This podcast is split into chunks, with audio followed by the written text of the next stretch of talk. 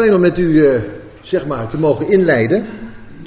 En ik heb, uh, zoals een uh, uitdocent betaald, natuurlijk een papier gegeven, zodat u het kunt nalezen. Maar de bedoeling is niet om dat nu allemaal te bespreken, want ik heb een minuut of 20, 25 hè, en ik wilde toch wel een aantal dingen met u doen. En het punt waar, het, waar ik mee bezig ben is, ja, de Bema gaat het vandaag over, van Christus en van God. En de vraag die je natuurlijk regelmatig krijgt, of kreeg misschien, maar kun je me iets meer zeggen over de rechterstoel Gods? En ik heb dan ook het genoemd inleidend. En eh, ik denk dat het best goed is om daar gewoon met elkaar eens naar te kijken. Eh, natuurlijk kennen we allemaal Romeinen 14 vers 10. Maar dan staat in de MBG-vertaling, want wij zullen allen gesteld worden voor de rechterstoel Gods. En bij rechter schieten een aantal mensen, denk ik, in de, in de stress. Want als je voor de rechter moet verschijnen, is er sprake van een overtreding. En op een overtreding volgt straf. En als dan het vonnis wordt uitgesproken, dan begrijp je waar je aan toe bent.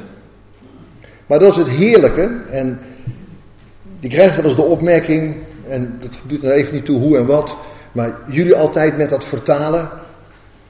En toch is het enorm als je dus in de MBG rechterstoel leest en je kijkt naar de grondtekst, dan zie je dat die notie rechterstoel er helemaal niet is.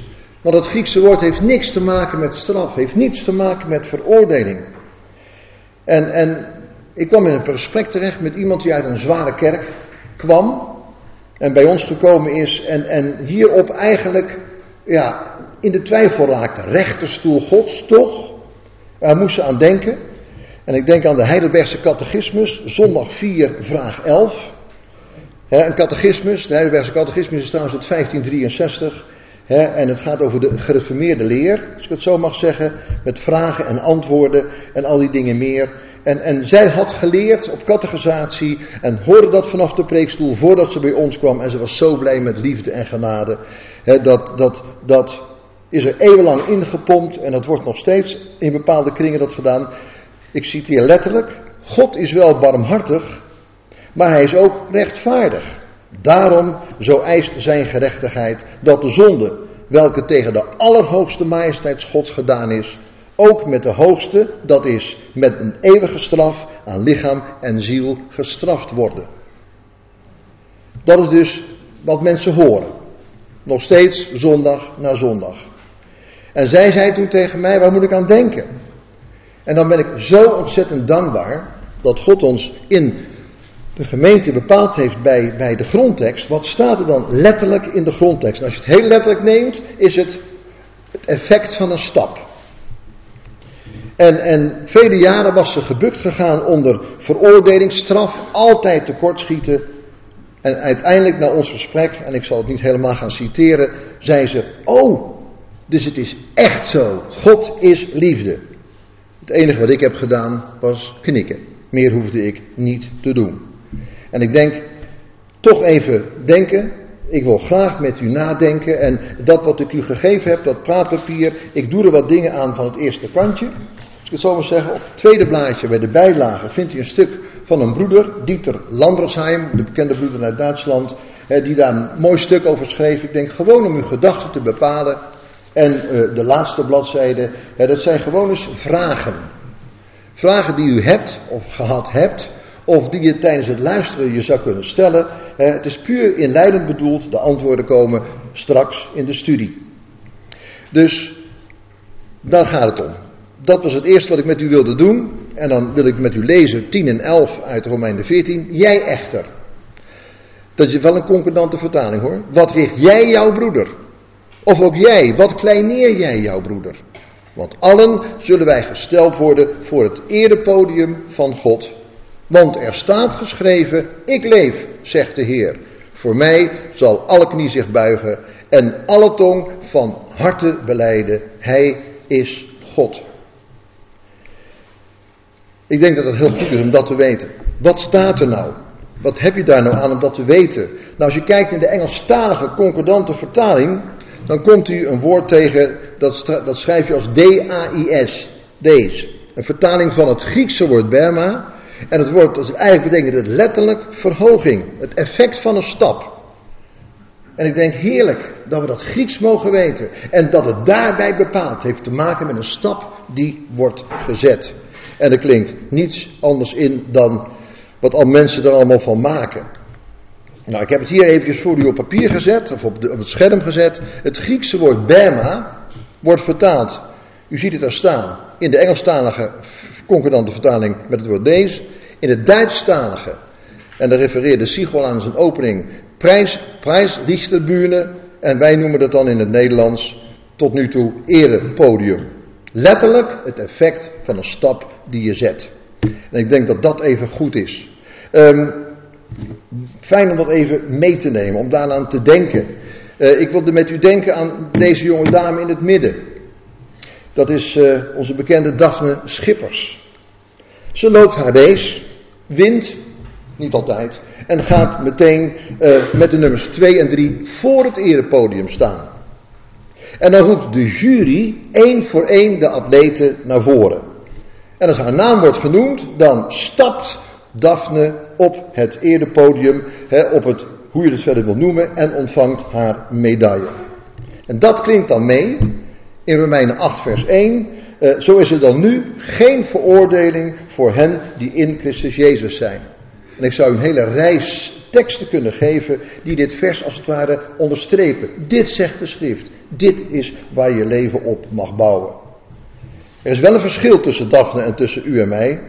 En dat is, we behoeven niks te winnen. Want dat heeft onze Heer al gedaan, onze Heer en Redder. Maar Gode zij dank, zegt dan 1 Korinthe 15 vers 57, die ons de overwinning geeft door onze Heer Jezus Christus. En wat ik u heel erg duidelijk wil maken, hè, eh, er wordt wel eens aan gemorreld, maar daarom is een goede vertaling zo belangrijk. En het is geen hobby van een aantal mensen in ons midden, maar het geeft je zicht, scherp zicht. Wie bent u? Hoe handelt u? En ik denk dat dat heel goed is om te weten. Dat plan van u, hoe werkt dat? En ik denk dat het heerlijk is om dat te mogen weten. Dat is ook wat die, wat die zuster in ons midden, niet hier nu op dit moment, eigenlijk kon doen. Na alle dingen die ze uit het verleden, Heidelbergse catechismus en al die Dordtse leerregels en heel die toestand, zegt ze, ik kan gewoon vol vertrouwen mijn leven dus leggen in zijn handen. Die zijn, het is in zijn hand. En ik denk dat het machtig is, als God ze in zijn handen heeft, hoeft hij alleen maar dit te doen en dan ben je aan zijn hart. Dus stap op het eerdepodium. Je staat niet voor de rechter, maar voor hem die de prijs uitreikt. Nou, dat wil ik als eerste even meegeven. Het tweede is, iemand zei tegen mij, weet je waar het woord vandaan komt, Berma? En dan kan ik natuurlijk heel formeel, hè, zoals dat vaak is, ja, ik weet het, uh, in het Romeinse recht uh, verschenen de mensen voor, het, uh, voor de rechter, en denk maar, het gebeurt een aantal keren, kom je dat in de schrift tegen. Ook Paulus heeft er menigmaal mee te maken gehad. dan word je op die Berma geroepen en dan hoor je wat er over je beslist wordt. Dus het woord Berma was gewoon een bekend woord, een platform, een verhoging waarop je moest gaan staan om te horen wat je moest horen. Dan denk je, wat heeft dat er nou mee te maken, man? De Berma, dat Griekse woord, was gewoon een woord dat bekend was in de, ja, wereld waarin de Grieken hun taal hadden achtergelaten en hun regering. Wat u hier ziet, is de het Joodse woord dat van het Hebreeuwse woord. Het Hebreeuwse woord bima is afgeleid van het Griekse woord Berma. Dus de Berma was eerst. En toen de Joden daar met hun geloof in de, Helene, in de gehelleniseerde wereld kwamen, toen, toen kwamen ze hier tegen en maakten daar het woord Bima van. U ziet hier de Bima, en misschien best een goede notie om mee te nemen. Eh, dat heeft gegarandeerd, denk ik, door Paus een hoofd gespeeld. de Bima is de plek in de synagoge. Uh, ik denk, we hebben wat broeders uit het oosten. Ik zal de Bima fotograferen van de synagoge in Enschede. En u ziet hier die plek. Wat is de Bima? Dat is die tafel. Die staat hoger. in, in bijvoorbeeld de, de, de Schule in Rotterdam. daar moet je echt een trappetje op om er te staan. Wat doe je met die bima? Daar leg je Gods woord neer. En in de eredienst van, de, van het Jodendom, als de Torah uit de kast wordt gehaald, gaan de mensen staan, worden de gebeden gezegd, wordt er gezongen, dan wordt daar die concordant, wordt daar die rol neergelegd en dan gaat Gods woord open. Hoort u iets van straf, veroordeling? Nee. Wat is de bima? Neerleggen van Gods woord en het uitspreken van dat wat God tegen de mensen wil zeggen. En ik denk dat dat goed is. En dat woord Berma was er eerst. De Joden kwamen overal in Rome, in, Rome, in Griekenland en wat dan ook. Hebben we dat woord Berma, geheel hebben dat woord Berma, hebben ze Hebreeuws van gemaakt. Dat is Bima geworden. Met andere woorden, dat is heel mooi om dat eigenlijk even te weten. dat is in het synagogale Hebreeuws opgenomen, dat woord als Bima. En het is best leuk om dat even, denk ik, mee te nemen. Dus een heleboel zaken zijn belangrijk om, om te weten. En, en, en, en ik denk dat, ja, waarom willen we dingen weten? Omdat we heel scherp willen weten, wat zegt God nou eigenlijk? He, en als je de concordante broeders leest, en ik heb bewust een voorbeeld erbij gedaan van Landersheim, maar ik had zo een aantal andere kunnen nemen, dan zie je gewoon de concordante vertaling stuurt niet naar een bepaalde leer toe, mag ik het even zo zeggen, maar de concordante vertaling zegt, weet je wat er staat? Kijk, dit zegt het Grieks en dat betekent het in het Nederlands, daar mag je je leven op bouwen. En dat meen ik echt, het is heel wezenlijk. Wat Christus heeft gedaan en wat Christus eh, voor ons heeft gedragen, dat wordt ons toegerekend. En ik denk dat het heerlijk is. Wat wacht ons dan? O vader, het wat er komt, dat moment waar we naar uitkijken, dat betekent eigenlijk weten, we zijn geaccepteerd, vol vertrouwen met het plan van God meegaan en denken, ja vader, straks wacht jou en mij acceptatie in heerlijkheid. Dus die Berma is geen kwestie van, oef, komt er nog wat? Maar die Berma is wat God tegen jou en mij wil zeggen op dat moment met alles wat daarna volgt en dat komt van de broeders. Romeinen 8 vers 1 zegt dus heel duidelijk, zo is er dan nu geen veroordeling voor hen die in Christus Jezus zijn. Elke rekening is vereffend, getekend Christus. Hier heb je dan het woordje Berma bovenaan in het Grieks. Dat leest u van links naar rechts zoals u ziet. En daaronder staat dan de andere kant uit, het Hebreeuwse woord Bima. En het is gewoon heel gaaf om dat, vind ik, te weten. Ik wil weten wat er staat. Met jou, met u wil ik weten, vader, wat zegt u rechtstreeks tegen mij? Ik heb nog uh, de tijd meegemaakt dat ik een dienst moest. En nooit geweten dat ik dat er ooit nog zo uit zou kunnen overhouden. Uh, nou, ik denk, laat ik uh, een modern leger nemen. Twee dames en een heer in het midden. Dat vertelt niks zeggen over die heer in het midden. Maar dat is nou wat wij vandaag doen. Uh, dit heette in militaire diensttermen rechtsrichten. Um, heerlijk. Als tegen de militair werd gezegd, dan staat er zo'n zootje ongeregeld. Als er tegen de militair werd gezegd, hè, dan kreeg je een signaal. Geef acht, rechts richten. Dan bleef die rechterman, in dit geval die rechtervrouw, bleef staan. En de rest richtte zich uit op diegene. Dus doordat er één een vast punt was en de rest dus door zijn arm uit te strekken eh, je zich africht of uitricht op die ander, kreeg je dus een peloton van 30 ongeregelden. Dat werd ineens een keurig georganiseerd verband. Ik hoop dat ik het een beetje kan duidelijk maken. Hij of zij staat vast en door elkaar kom je op je plaats te staan. En toen dacht ik aan de gemeente. Ik zal niet zeggen wat ik eerst wou zeggen, zo ongeregeld, dat doe ik niet. Maar mensen overal vandaan. En wat zegt God tegen ons? Rechts richten. Op Hem richten. En stuk voor stuk, doordat we elkaar daarin nabij zijn en we ons met elkaar laten richten door Hem, uh, uh, krijgen we, komen we terecht op de plek waar God ons hebben wil. Dat maakt u voor ons zichtbaar. En dat is dan wat vertalen is. Je mag je leven uitrichten, laten richten door dat wat God zegt. En wat vertalers doen is niet hun eigen wijsheid etaleren, maar laten zien, kijk, dit zijn die vaste punten uit Gods woord. En het woord Berma is een woord, daar wil ik me graag op uitrichten, want het vertelt iets van toekomst, van heerlijkheid. Jij en ik, u en ik, zoals we hier zitten, mogen zijn uitgericht op Hem. En ik denk, dat het heerlijke van mogen weten wat er staat. Het brengt ons terecht. Het brengt ons bij Hem. En ik denk, die Bima en dit rechtpunt, die, die, Berma, denk aan Bima ook dus, er is niets ter veroordeling. En ik vind het mooie, en dat is een punt waar ik dan diep over kan nadenken, van waar, wacht even.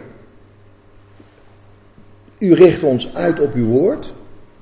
U laat ons zien wat Christus, wat uw Zoon, wat onze Heer allemaal gedaan heeft. En op dat vaste, wat daar gebeurt is, daar mogen we ons op richten. En waar leidt dat toe? Niet tot, oh het komt toch wel goed, tot onverschilligheid dus. of welke conclusie ook, maar wat ik bij u en mij zie, en waar je zelf voor bidt, denk ik ook, vader mag ik op de plek waar u me hebt neergezet, zijn en worden tot eer van u en tot opbouw van degene die u op onze weg brengt. ik vind dat zo'n ontzettende wezenlijke. Zo is er dan nu, of er dan geen veroordeling voor hen die in Christus Jezus zijn. Ik denk, heerlijk om zo te mogen weten, vader, we willen weten wat er staat. En we willen leven wat er staat. En we hebben een vast punt in ons leven, hè, dat, dat, dat is de Heer, dat is Christus Jezus in alles wat hij heeft gedaan. En denk ook aan elkaar. God zet ons samen. We gaan niet aan elkaar voorbij, we zijn op elkaar betrokken en verwachten het in alles van Hem. Daarom zit je hier Daarom bezoek je de dienst, want we mogen het samen verwachten van Hem. En laat ik het dan beëindigen met de laatste regel of de laatste alinea van Dieter Landersheim. En dan heb ik alweer genoeg gezegd, denk ik. Dieter Landersheim zegt op de tweede pagina: Laten wij God in geen geval voor willen zijn. We kunnen trouwens helemaal niet juist oordelen, omdat wij onvoldoende of helemaal geen kennis hebben van de mate van rijpheid van een broeder. Van zijn motieven en bedoelingen. Van zijn beperkingen, noden. En van de bijzondere omstandigheden in een bepaald geval. Er is slechts één rechter die juist richt. Voor hem zullen alle hun knie buigen en hem zullen allen verheerlijken. Laat daarom alles achterwege wat aan de ander afbreuk doet. En soms heb je zo'n moment in je leven dat je tegen elkaar zegt: laten we nou positief erin staan. Laten we nou zo zijn dat het is tot opbouw en eer van Hem. En als je dit een paar keer lezen moet, ik heb het, ik, ik heb het al, ik denk een stukje of twintig keer gelezen. Niet juist oordelen, want wat weten wij van de mate van rijpheid van een broeder? Wat weten wij van motieven en bedoelingen, van beperkingen, noden en bijzondere omstandigheden? Er is er één die alles ziet en alles weet en daarmee aan het werk gaat. En wat mogen wij dan doen? We doen elkaar geen afbreuk en we worden naar elkaar mild, innerlijk welwillend, elkander genade schenkend, zoals ook God in Christus jullie, ja jij en u en ik, ons en al diegenen die God ons toevoegt, zoals God in Christus jullie genade schenkt. Over vast punt gesproken.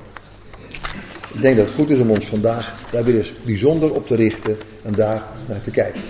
Ik hoop dat dit de inleiding was. Dankjewel.